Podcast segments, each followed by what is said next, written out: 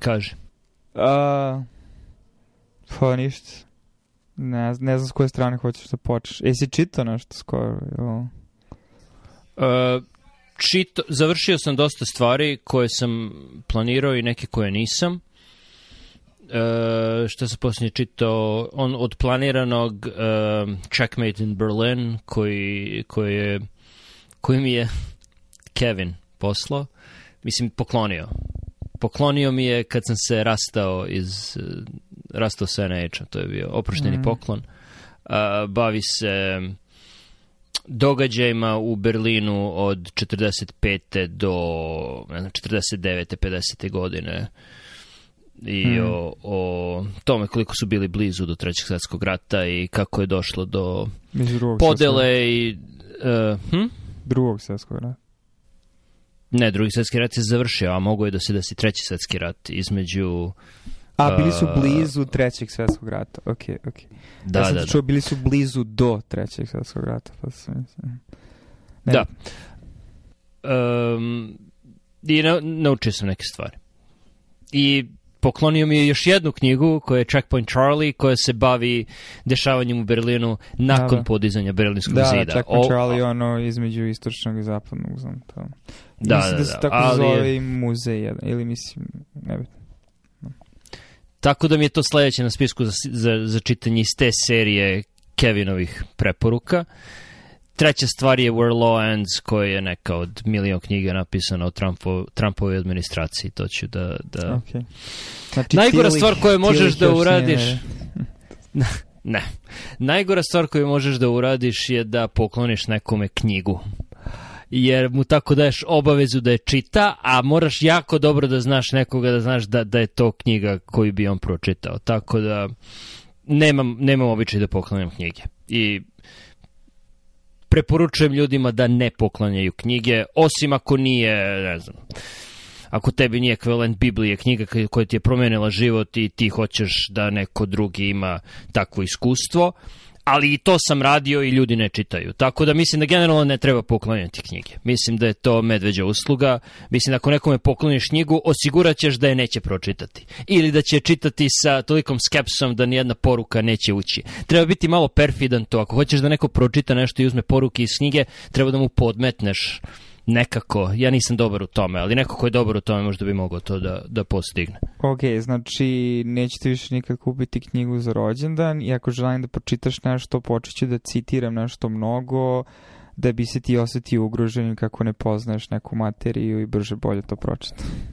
Mislim da je to generalno bolja strategija nego reći nekome, e, pročitaj ovo. Da. Jer onda tako da, da, da- daješ nekome zadatak. Znaš, Mm. nije, nije. Znači, ovo ti je, ima, imaš spisak od 100 knjiga, evo ti je 100 prva koju treba da, da pročitaš. I onda, i onda se osjećaš obaveznim da, da čitaš to. I za razliku od stvari koje, ono, pročitaš tri strane, kažeš ovo nije za mene, ideš dalje.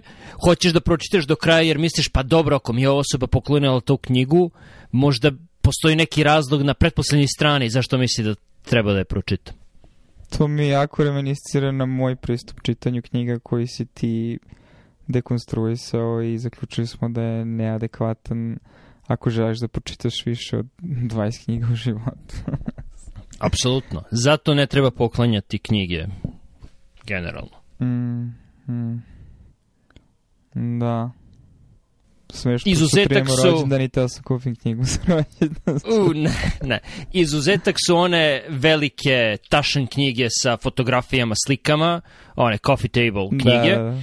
koje možeš da listaš i koje niko i ne očekuje da ćeš čitati od korice do korice, nego kad ti je dosadno sedneš i, i listaš, to je uvek dobro, to je okej, ali to je više poklanjanje umetničkog dela, a ne poklanjanje knjige. I generalno knjige sa fotografijama, slikama, arhitektura, imam jednu knjigu od 500 strana gde ono, na svakoj strani je jedan font kao typeface knjiga, to je, to je isto lepo. Ali to su coffee table knjige, ne, ne standardne.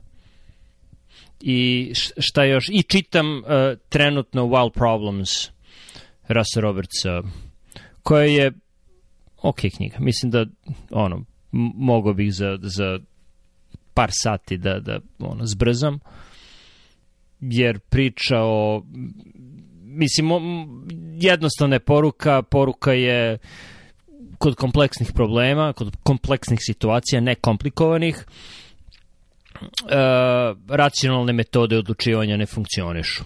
I zato mora da primeniš emocije, mora da primeniš druge, intuiciju, druge stvari. Ali nema ništa o razvijenju adekvatne intuicije, mislim. Pa nisam još toliko duboko došao.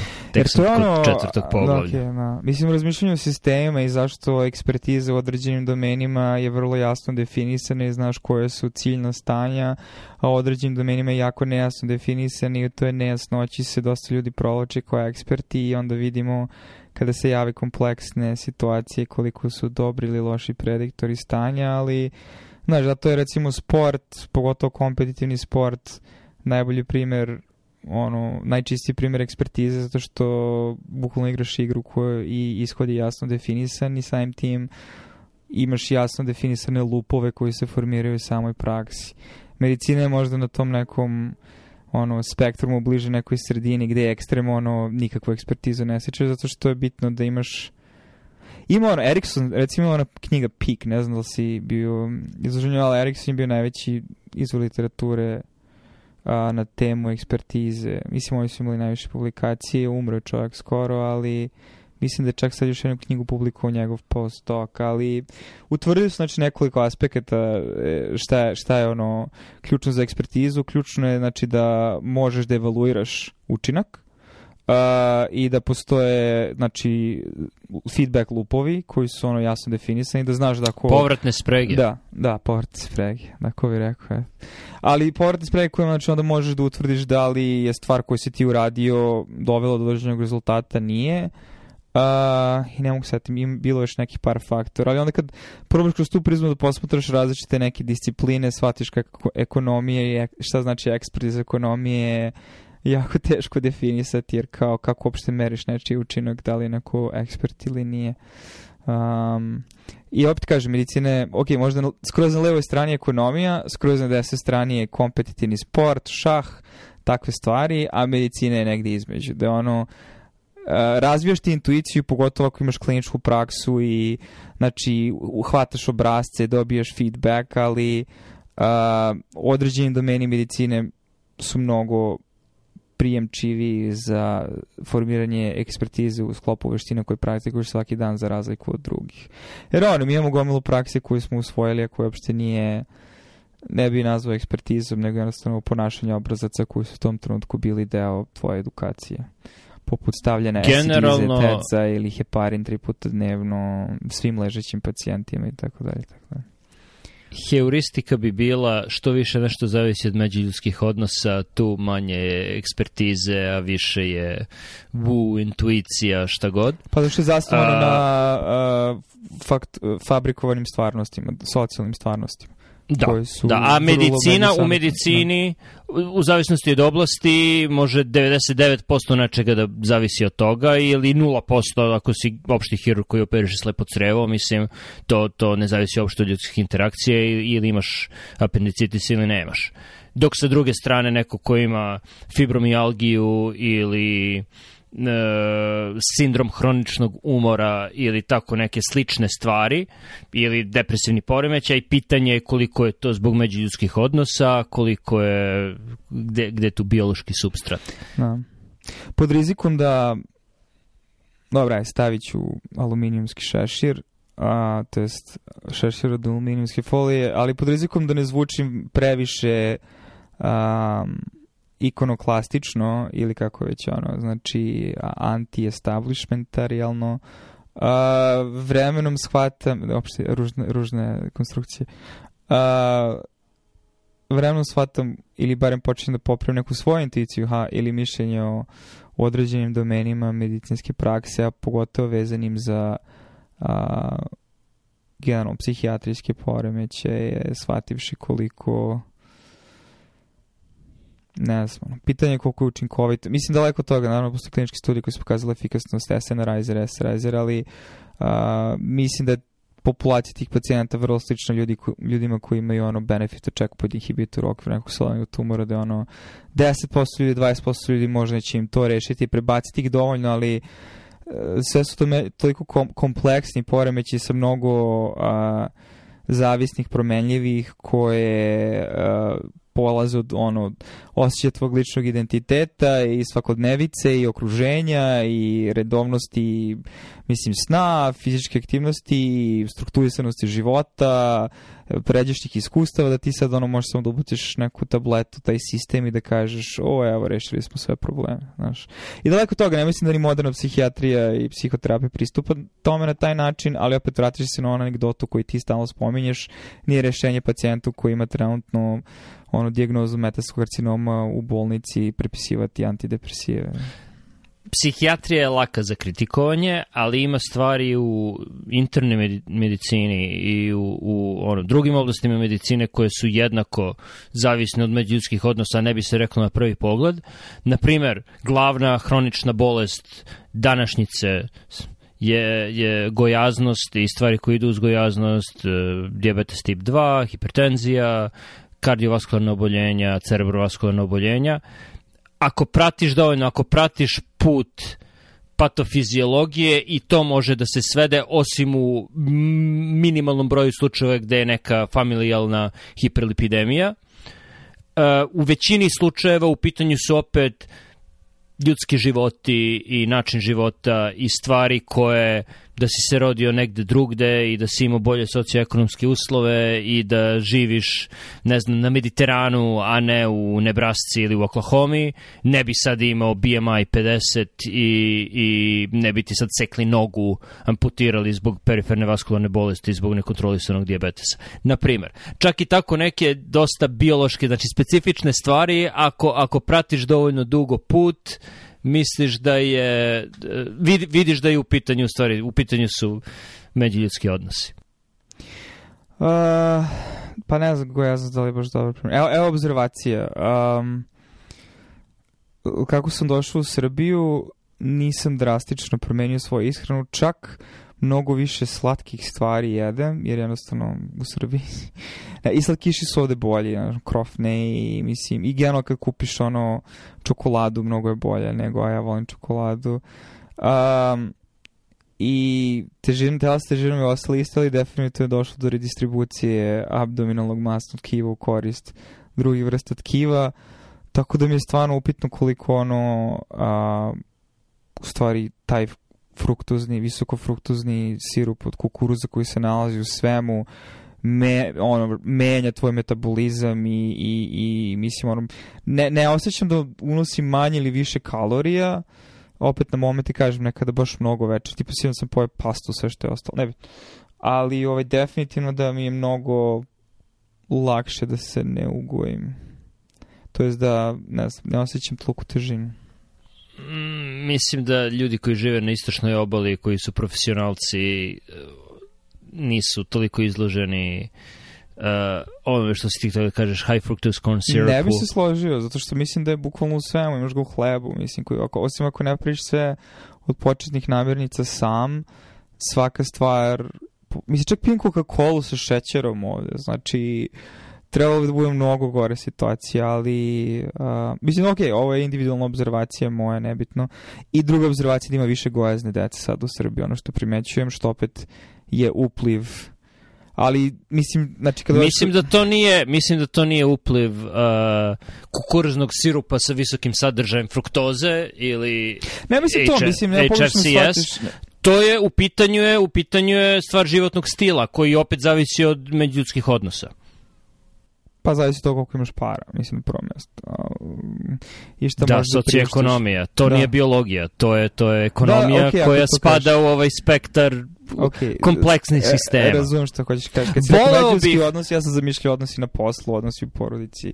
Nisam razumio Ne, ne, mislim na kompleksne sisteme, mislim da, na taj širi kontekst. Da. Mislim da bi bilo jako lepo kada bi epidemija gojaznosti u Americi bila, e, da, e, ova piramida ishrane je bila pogrešna, pričali smo ljudima da uzimaju ugljene hidrate i sad kada smo to popravili, sada će biti bolje. Bilo bi super da je to, ali mislim da nije to. Mislim da je problem, ono, insistiranje na životu u, u autu i automobila kao primarni način transporta i razlozi zašto ljudi više vole da žive u predgrađima, u ogromnoj kući i da putuju autom na posao nego da šetaju do posla i gomila tih drugih sitnih stvari koje bih ja sve sveo pod ono, međuljudski odnos i kompleksni sistemi, a ne biologija. Ok, no, slažem se.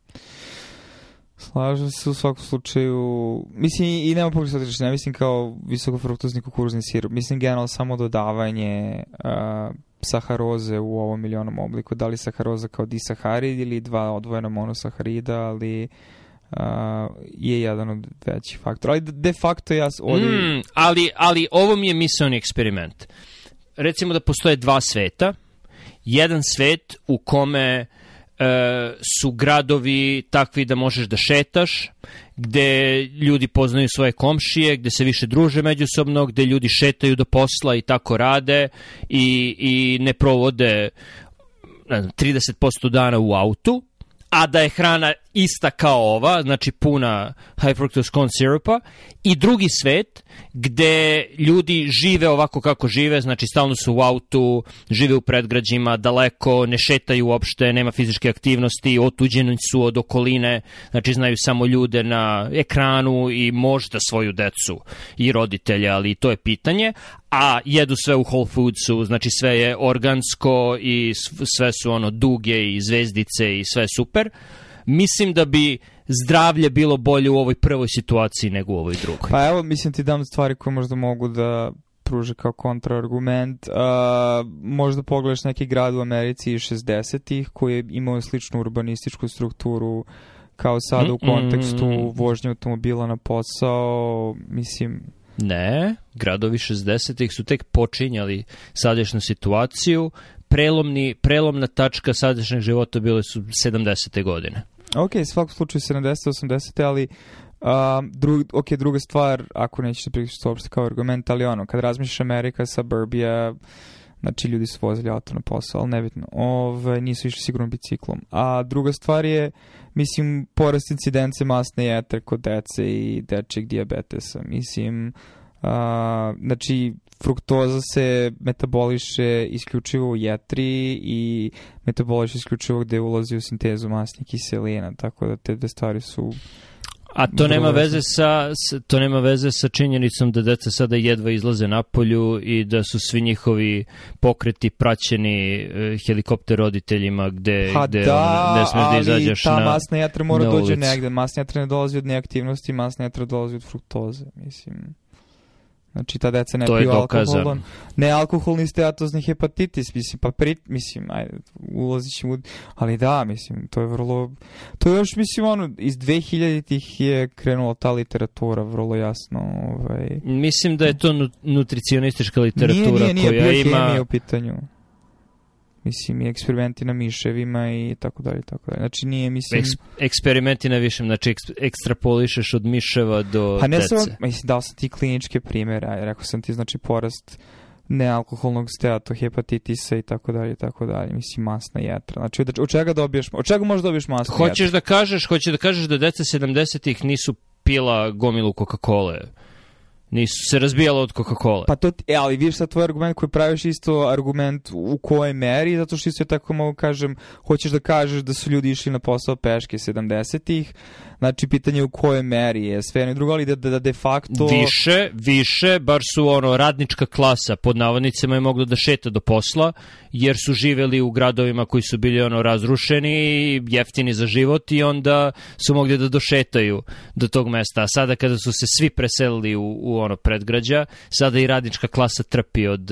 od ok, mislim da lupamo gluposti da nam trebaju konkretni brojevi da bi uopšte mogli da utvrdimo, da ovako možemo do sutra. Jer ja mogu kažem, e, jesi gledao Mad Men i Mad Menu svi voze kola na posao. Mislim, razumeš, znači ono, mislim da nemamo previše konkretnih primjera, nego je više ono, šta si čitao? Da sam pričao o, o misalnom eksperimentu. Da, da, da, ne, misalnom eksperimentu. Mislim da, mm. mislim da, da generalno volio bih da postoje podaci koji bi potvrdili, ali intuicija mi kaže da je više u pitanju to, na, način života, a ne bilo kakva hemija. I znam da postoje hipoteze da da ima puno litijuma u vodi i zbog tog litijuma su ljudi sada gojazni i tako neke ono Ne, jedna nis- stvar nismo koja kada evoluirali, nismo evoluirali. E, ono što je pokazano i dokazano je da povećanje količine fruktoze, metabolizma fruktoze i masne jetra utiču na smanjivanje insulinske osjetljivosti. I to je, mislim, metabolički sindrom. I mislim, to je stvar koja, ono, mislim da nije previše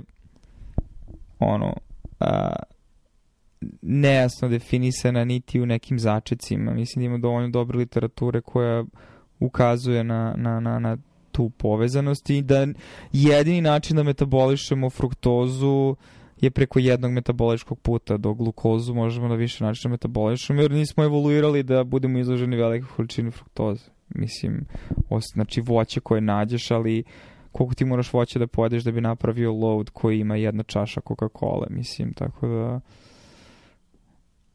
Poć, ima revijski rad koji baš taj bio hemičar, da li sa iz... Uh, mislim da iz Bostona, ali ne znam. Uglavnom imali su revijski rad pre možda pet godina sa svojom grupom gde su ponovo se vratili na ono što su radili. Mislim, baš se skoro čitao, tako ću ti poslati. Mislim. Ali okej, okay, slaže se. Mislim, eksperiment, kompleksni sistemi, mnogo međuzavisnih, promenljivih. Ja zbog availability heuristika i recency biasa mi ovo isplivava kao validno. I obe stvari mogu da budu istinite u isto vreme i, i, i mislim, tako da nije... Da, upravo se o tome i radi. Te dve stvari nisu međusobno isključive. Ono što bih ja rekao je kada bih birao život između dva svetova gde ili između dva sveta gde u- u prvom je fruktoza svuda, ali se živi tako da nisi sve vreme u autu i da, da, da su međuljudski odnosi bolji i sveta gde je sva hrana super, a živi se ovako kao što se živi, izabrao bih ovaj prvi. Mislim, to, to, to mi je heuristika. Mislim da, da generalno e, baš, baš zbog te kompleksnosti te, taj način života utiče na zdravlje ljudi i na način na koje ne možemo da zamislimo i da, da je odgovoran za gomilu stvari koje viđamo u klinici i gomilu novih oboljenja. Uh, jer, jer kad si otuđen od ljudi, generalno svaki mali bol, svaki mali problem će se pretvoriti u nešto zbog čega ćeš ići kod lekara. I ono, ako, uh, ako ne znam, imaš hronični kašalj, ali o tom kašlju možeš da pričaš sa ljudima sa kojima živiš i imaš druge stvari koje ti okupiraju mozak i ne obraćaš toliko pažnje na njega, neće biti veliki problem, nećeš otići kod lekara. Ali ako si neko ko ono, živi sam, kući, nemaš ni, ni, nikakve druge preokupacije, samo razmišljaš o tom kašlju, naravno da ćeš vidjeti pet lekara uzastopno da ti kažu zašto kašljaš. Iako medicina možda neće moći da ti da odgovor na to. Zašto kašljaš? To je problem. Što mislim da smo stavili, ah, kako bih ovo definisao, pritisak a, prosvetljenja i apsolutnog znanja koji je dogmatično imala u prošlosti religija a, na ovaj, nauku. I, I zato, mislim, vraćamo se staroj temi toga gde se sve previše dogmatično kategorički posmatra i odgovori očigledno koji su nedovoljni dovode u pitanje onda čitavo ustrojstvo kliničke medicine, što mislim da nije tačno, ali mislim da je to heuristika kojim se ljudi služe, pogotovo oni koji su imali određen model mišljenja i sveta o tome da medicina ima odgovor na sve. Znaš da ti ona ideja, ima, rek za, ima lek za rak, samo ga kriju i čuvaju ga bogati, zato što sigurno ima i sigurno neko zna. Nije moguće da su ove stvari toliko kompleksne da mi ih još nismo skapirali i pitanje je kada ćemo ih skapirati i u kojoj meri, na koji način i da li uopšte sad imamo tehnologiju koja će nam dozvoliti da to skapiramo ili da dejstvujemo na to. Ne, sigurno postoji, samo se ne da ne, ne, ne daju. Ne daju da postoji.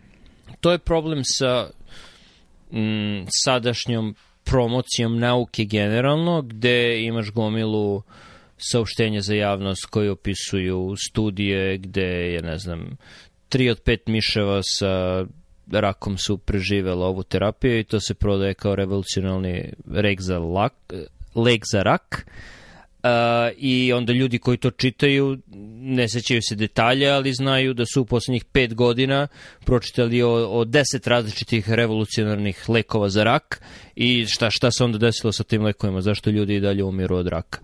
Tako da sa jedne strane postoji pritisak da se sve promoviše kao revolucionarno i, i, i ono game changing, da će promeniti igru, e, jer tako, to je način da skupiš ono, financijska sredstva da dalje razvijaš neki lek, da, ali sa druge strane ljudi misle pa mi smo stigli do cilja, za, za, zašto onda ne znam, moja e, baba, ujak, sestrić umiru od raka kada su ga pet puta do sad pronašli. E vidiš, to se sada jako zanimljivo dotiče nečega u čemu smo diskutovali i onih klipova koji sam ti podelio sa Facebooka, šalim se, ovaj, koji analiziraju Weinsteinove a, definicije društvenih pojava s kojim si već donekle Misliš upoznat. na e Erika Weinsteina? Da, da, da, Erika. Ne, Fizičara. Ne, ne na Harry Weinstein. Da. Um, a opet se tiče nečega, a kad pričamo o intuiciji, što je meni uvek nekako intuitivno bilo smisleno, ali i, i mislim da smo se i mi dotakli toga u diskusiju, toga da ono logaritamska ne logaritamska, eksponencijalna progresija naučnog znanja je jako teško održiva, pogotovo ako, mislim, on imaš diminishing returns i, i gledaš pogotovo ekonomske trendove i, i trendove u nauci u zadnjim decenijama. Sad shvatio sam našao jednu knjigu koju hoću da mi downloaduješ. Um, ali um, po, problem je u ideji koja je preuzela maha od kraja drugog svjetskog rata, to je da će, je progres nezaustavljiv i da ćemo samo je pitanje dana kad će iza ćoška biti neko novo revolucionarno otkriće, a mislim da smo i tekako već davno, odavno živimo na staroj slavi i prešli neki inkrementalniji i upitno je koliko suštinski bolji pristup, ali ovaj, da je delimično to tehnološki uslovljeno i ekonomskim prilikama, a ne sad da ono, ne znam, se neka znanja kriju ili, mislim, ono, no. Dobro, to je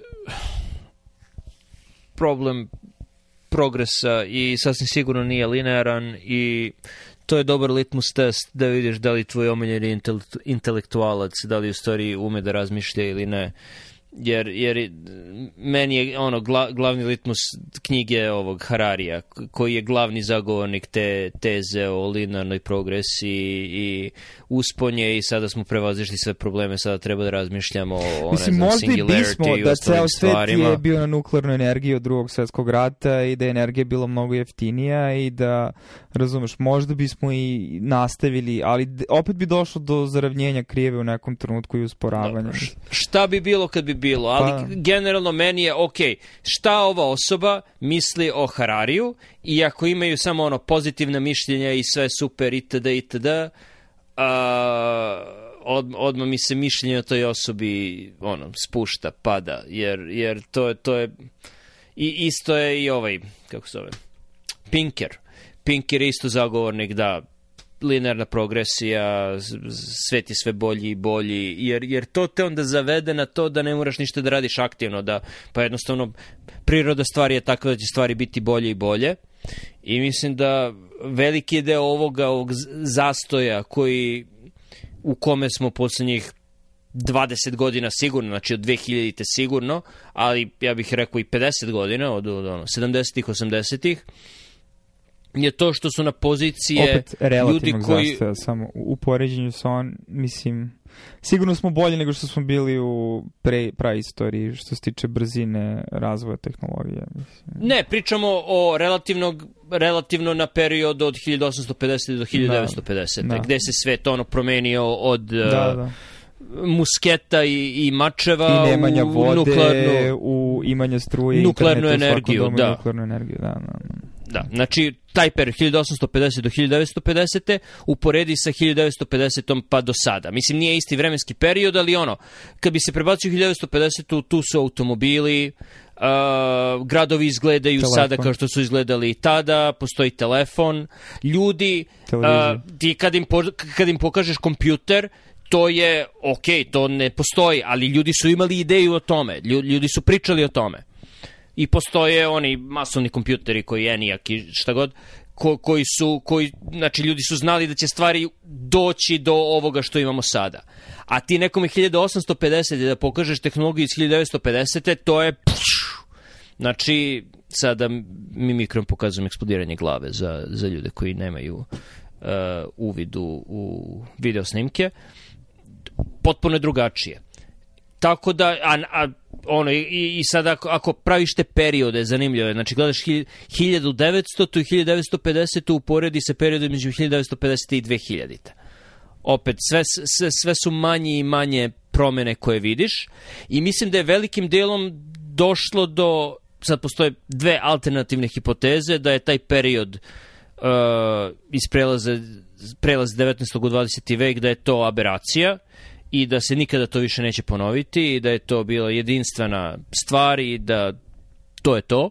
I sad se vraćamo na period ono, srednjeg veka A druga stvar je da smo bili na usponu i onda su došli ljudi koji su mislili da će te stvari doći same od sebe i da ne moraš aktivno da učestvuješ u razvoju toga i koji su mentalne, financijske, druge kapacitete ulagali u očuvanje svojih pozicija i u igranju političkih igara međuljudskih odnosa, a ne toliko u razvoj same nauke i da smo sada u, Dobar, da smo zbog toga u toj poziciji. Mislim da to je jedan od faktora, mislim da je vrlo multifaktorijalno i jedan isto, mislim, nemaš pritisak toga da li će Nemci da osvoje svet ili da li ćeš da izgubiš rat ili šta god, dok ono, mislim, ko zna, možda nećemo doživeti sutra, hajde svi da radimo 100 sati nedeljno. Pa ne bih, ne bih toliko insistirao na drugom svetskom ratu kao katalizator. Ne, mislim išta... drugi svetski rat, generalno, mislim, ono, osjećaj urgencije. Pa dobro, ali, brate, drugi svetski rat je da ono, mislim, nuklearnu bombu, mislim, znači... Ma dobro, ali, ali sva, sva tehnologija i fizika i, i znanja koje su dovelo do nuklearne bombe bila su poznata 36. 37. Znači nije to, da, drugi svetski rat je to ubrzao, ali nije, nije, ne bih rekao da je on isključivo odgovoran za, za to. Da, ono... Iako gledaš ono, razlike, hiljadu, razlike između 1900. i 1940. je veće nego između 1940. i, i ne znam, 60. godina. No. Tako da, ne bih rekao da je samo ono pritisak koji su zemlje osjećale zbog nacista ili čega god. Ba, nisam rekao da je samo to. Nisam rekao da je multifaktor. Ali um, ono što je zanimljivo i što se dotiče toga je um, knjiga ta koju se pokušao sam da nađem online ili nema. Um, Science since Babylon. Uh, 61. je objavljena uh, na osnovu serije predavanja uh, na Yale gde je lik prošao kroz istoriju nauke i a, bukvalno ono utvrdio da nećemo, nismo na eksponencijalnoj skali, nego sada dolazimo znači, on kao do, do, do zaravnjenja jer je počeo do... Jer i jedno, jedan od argumenta je isto ekspanzija nauke bi značila da bi dalje morao da ekspandiraš, da bi eksponencijalno nastavljao napred, da ekspandiraš broj naučnika u populaciji, što bi ona dovelo do velike zamene opšte populacije i preorijentisanje na zanimanje novim otkrićima. Uh, A, tako da, mislim, on, i, i, ima mnogo potencijalnih faktora, ali da je ono free rider pro, problem, koji ne znam kako bi a, slepi putnik ili kako već, problem slepog putnika, a, vratno ima definisan, pošto je jasan pojem u literaturi, a, veliki faktor u svemu ovome. Opet stiče onoga što smo pričali, ne znam, već par mjeseci, ali ono, zapitaš se koliko ljudi stvarno iskreno radi svoj posao kada gledaš malo, mislim kad uporediš out, ne bit, mislim vidiš znači kako stvari izgledaju koji su izašle, koji su publikovane, koje su i, i onda se zapitaš, mislim koliko svi stvarno dajemo svoj maksimum, da li imamo potrebu da radimo to, a delimično možda zato što nismo motivisani jer verujemo u ideju nezaustavljivog progresa koji onda te demotiviše na neki način. Tako da možda i ti i ta ista ili slična populacija bi se drugačije ponašala u drugom vremenskom periodu kada taj progres ne bi bio zagarantovan. Ja, to je cirkularna logika koja dovede u stramputicu ljude koji rade u velikim institucijama generalno ili se ono bave ezoteričnim poljima nauke, a, a ta stramputica je, ok, ja sam sada istraživač na Harvardu ili Yale-u i objavio sam ovaj rad koji je potpuna glupost jer sam lenja i objavljanje zato što imam titul Harvarda ili Yale, afilijaciju Harvarda ili Yale iza sebe, ali taj rad nije glup jer Harvard i Yale su reputabilne institucije koje ne bi objavile nešto ako je glupo, tako da ovo ne može da bude glupo jer je izašlo odande. I tako, tako da imaš gomilu radova koji su... A, a u isto vreme te Ivy League škole, naročito u medicini, se krenule da šire pipke, gde ograničavaju broj studenta, ali ima gomila lekara, rezidenata, koji su on, specializanata i subspecializanata koji rade u bolnicama koji imaju afiliaciju sa velikim ustanovama i koji se zakite tom afiliacijom i tako spemuju, šalju gomilu đubreta u etar uh, i, i, i tako ono, zagađaju PubMed pretrage i, i, i, i generalno intelektualni prostor. Je, je, i, i, ima smisla. I ti kako ima smisla i mislim sam malo uzišao što sam to ostavio na svojoj koži jer sam u dva specifična domena literature u zadnjih 3 do 6 meseci proveo dosta vremena pokušavajući da kroz pretragu dođem do informacija i shvativši da znaš kad čitaš, čitaš nedeljama i onda odjednom ispadne neki rad i fazono si kako nisam vidio ovaj rad uopšte. Kako ovo do sada nije izašlo na Google Scholaru ni na PubMed. A, međutim, i, i to sad možda, ok, da ne ulazim u tangente, ali uh, kao preporuka, možda i znaš stvari, mislim da se podelio s tom, ali postao su jako zreo proizvod cara. Connectedpapers.com uh, i stavit ću link, pogotovo za ljudi koji, kapiram da par ljudi koji sluša se, se bavi akademijom, a da to nije čista pedagogija kao što si ti definisao ovaj, svoje vremeno. Um, mislim, ono što radi je da semantički vezuje radove i nije samo ono kao radovi koji citiraju ove radove, ali između toga i jeste, ali napraviti kao grafik mrežu i sa strane imaš um, ono, mislim, naravno, linearno i onda možda skačeš iz jednog u radi da vidiš koji, koji su, znači, prior works, znači šta je dovelo tog rada i on Kaepernick ima neki algoritam, možda je zastao na machine learningu, mislim da čak jeste deo toga, gde ono, kapiram da vuče deo iz um, uh, uvoda i kapiram da vuče koji radovi citiraju koje radove, ali znaš šta je dovelo do tog rada, a onda imaš derivative works, gde možda rad recimo iz 2018. ali onda bukvalno vidiš 4, 5, 6 radova na listi od 20 koji stvarno su publikovani zadnjih godinu, dve dana koji jesu derivat toga i nastavljaju dalje. Uglavnom hoću kažem da postoji sada otvoren prostor i imaš par servisa, nijedan nije dobar kao ovaj, um, koji su na neki način ono meta pretraživači literature jer ti omogućavaju da brže isplivaš kroz svo to đubre da bi na kraju došao do nekog kvanta informacije koji je potencijalno značajan.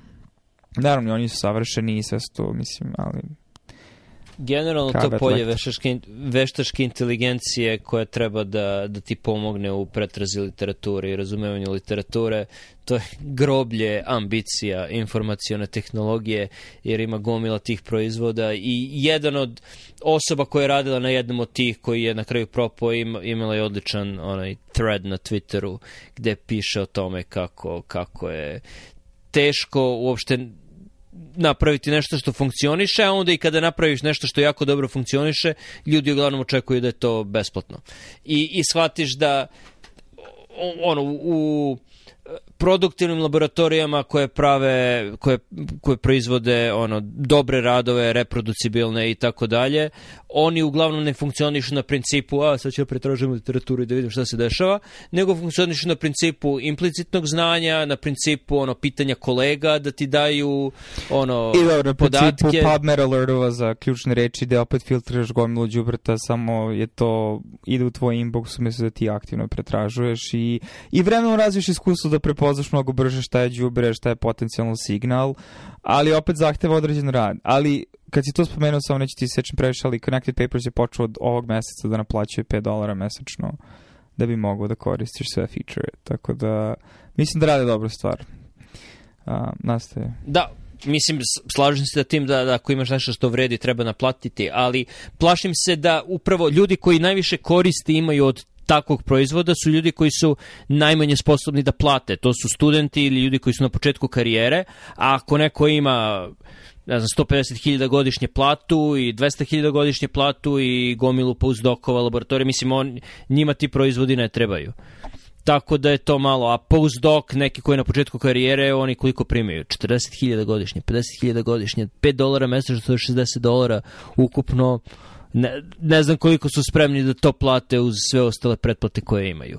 Tako da je to, to, to je, postoji diskrepanca između platežne sposobnosti ljudi kojima to zaista treba i, i ono, činjenice da oni moraju to da naplaćuju da bi da bi od nečega od nečega živeli. Da, ok, 3 dolara mesečno da se ispremi, drugo možda pitaš svog mentora, to jest PI-a, to jest advisora da plati to kad već plaćaju biorender i misli se ostale adjunkte za, za akademski rad, ali Slažem se, tako da slava Sci-Hubu i shvatio sam da uopšte se ne logujem sada na svoj VPN, nego samo odem na Sci-Hub.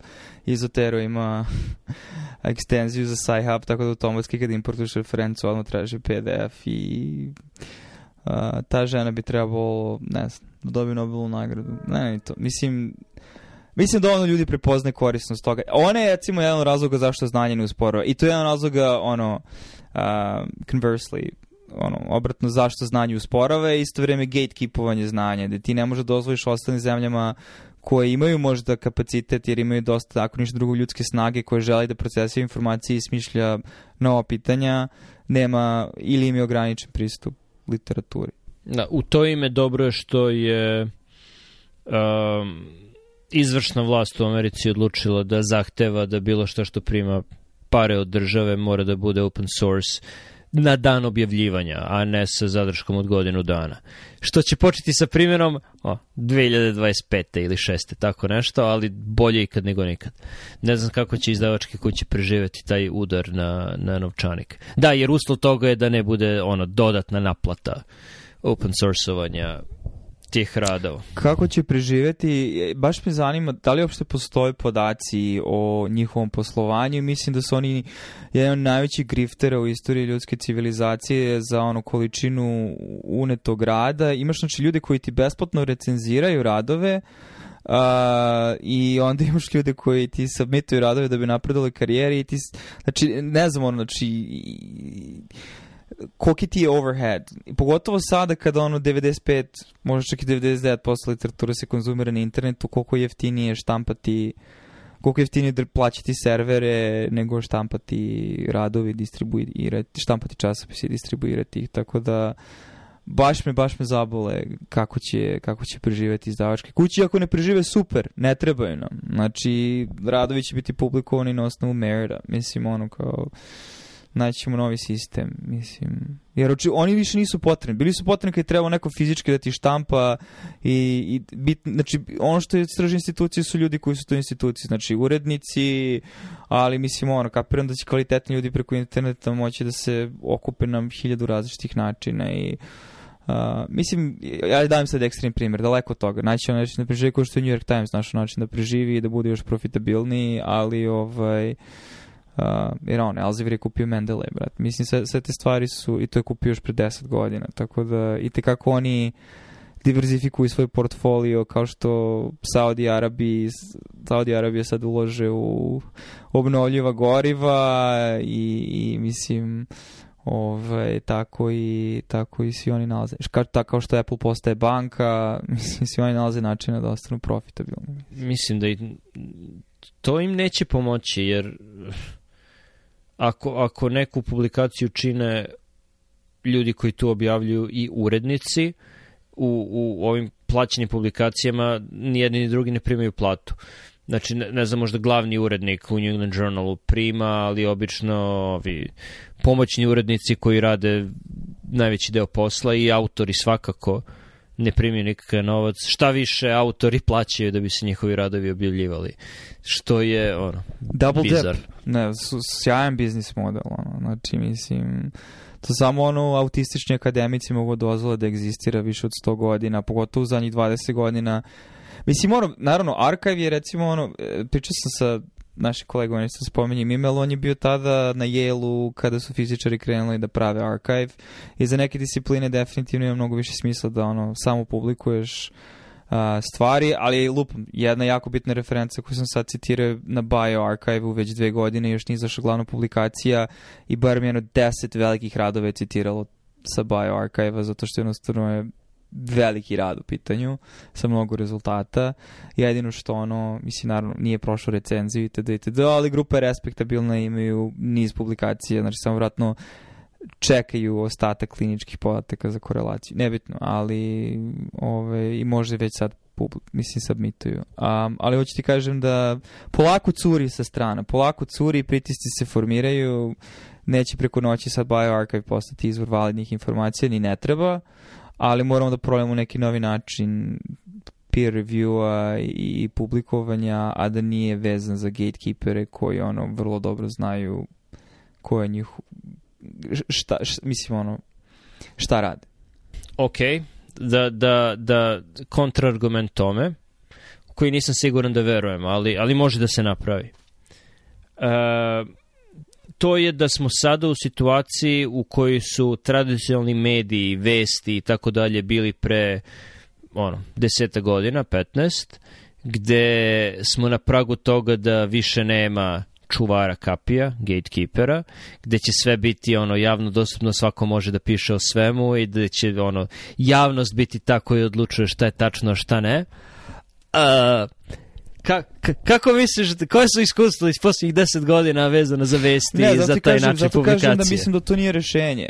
Da kažem, ali rešenje će biti da neko nađe način da sa još manje overheada koji ovi mastodonti posluju njime, jer vidiš koliko ljudi zapošljavaju, a koliko su ti ljudi neefikasni u korespondenciji s njima, što je jako frustrirajuće, povrlo svega što ti uzimaju pare, uh, te su uzimaju pare poreskih obveznika, jer svi ti ljudi daju pare svojih grantova koji su uglavnom NIH grantovi, uh, da bi ono publikovali te radove tim šnja, mislim, open source journalima, mislim da bi uopšte stigao do svoje publike, ne bitno. Hoću ti kažem, mislim, naći će neko način da napravi kompaniju sa mnogo manje zaposlenih, koji će biti ono for profit, mislim, jednostavno imaće biznis model i uh, koji će može čak i plaćati recenzente i mislim, pl plaćaš subscription, plaćaš access, ali će biti, mislim, ono...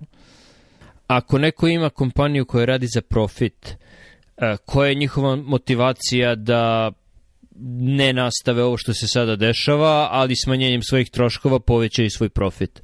Ajde ponovi samo da, da želim da te razumem šta si tačno rekao. Ako neka firma, ako postoji neka kompanija koja nije neprofitna organizacija, kompanija koja radi za profit i hoće da maksimizira profit, koja je njihova motivacija da smanje sami sebi profit time što neće naplaćivati ništa a, a kada, kada već postoji super situacija gde ako, ako smanje svoje troškove, a održe, održe naplaćivanje svega drugog kao što je sada, mislim, mogu sebi samo da povećaju profit. Koja je njihova motivacija da ga smanje? Pa je institucionalna zatucanost. Mislim, i zašto se nalazimo na prelomu krijeve, kao što si rekao, free rider problem i svi ti ljudi koji su tim organizacijama koji su same već postale ogromne i da bi funkcionisale dalje, imaš, sigurno ima neki ono office space lik koji u, u, u tim organizacijama ono... Pa ima, ne, ima tih organizacija koje smanjuju troškove i, a, i koje sad učestvuju koji izdavači, ali to su Frontiers i MDPI i sviđa mi se i Frontiers. druge... i mislim oba, da, sad smo MDPI publikovali, mislim i sviđa mi se znači kako je, barem ako ništa drugo jako su čitljivi online. Znači to mi je prva stvar. Kada vidiš da rad možeš ok da čitaš i da ne izgleda kao da neko pokušao da prekopira uh, mislim sam časopis ili ono ne de bože PMC Mada dobro, sad se stvari navike, ali ovaj... Uh... Ali Frontiers i dalje naplaćuje izdavanje radova. I to dosta naplaćuje. Da, znam. No. To ti kažem. Dakle, a... Ali dobro, bate, neko će napraviti startup koji neće da naplaćuje autorima i uh, naplaćivaće subscription i, naplaći, i imaće dovoljno, mislim, postoje način da se disruptuje ovo tržište, to je definitivno. Vidiš gde sve curi, mislim, ono, tako da, mislim, mogu da vidim sada sa trenutnim novom tehnologije, pogotovo može bude recimo online only časopis. Znači da, da ti je sve vezano što se tiče same distribucije štampe preloma. Drugo, uh, možda nađeš načine da prelom napraviš mnogo manje komplikovan, da ne mora to bude Word uh, sa određenim typesettingom koji moraš 50 puta da podešavaš, nego imaš način da mnogo lakše, mislim, uh, prevedeš znači nešto što je neko napisao u sam čas. Ja mislim da oni gomilu vremena i resursa potroše na te gluposti. Jer to je ono 80% tvoje publikacije, znači back and forth sa časopisom oko ispravljanja nekih stvari, mislim. Tu se slažem. Ne znam koliko online oni časopisi mogu da pomognu, jer sam imao iskustva sa jednim od njih Blood Advances, da, da smo ono, mesecima čekali da njihovi grafički dizajneri promene boje na nekoj slici i onda je nisu promenili kako treba. I Biorender je tu disruptovao to tržište potpuno. Svi medicinski ilustratori, mislim ne svi, ali velika većina će postati obsolentni. Znači, pogotovo sad kad čitaš radove zadnjih par godina, nenormalno je koliko je ono se proširio. I svakim čast, mislim, svaka čast, ono, mislim... Slažem se, koristam ih i, i ono, obožavatelj sam, ali ovo je bio grafikon koji ne možeš da uradiš u biorenderu, a za koji su tražili neke specifične boje i malo mi je čudno da online časopis ima samo šest boja koje možeš da izabereš za, za korišćenje, koje su sve ono... Ali već vidiš ukazuješ na neefikasnosti koje je normalna kompanija koja bi bila online only časopis definitivno sa ono, trunkom zdravog razuma ne bi imala ta ograničenja, razumeš?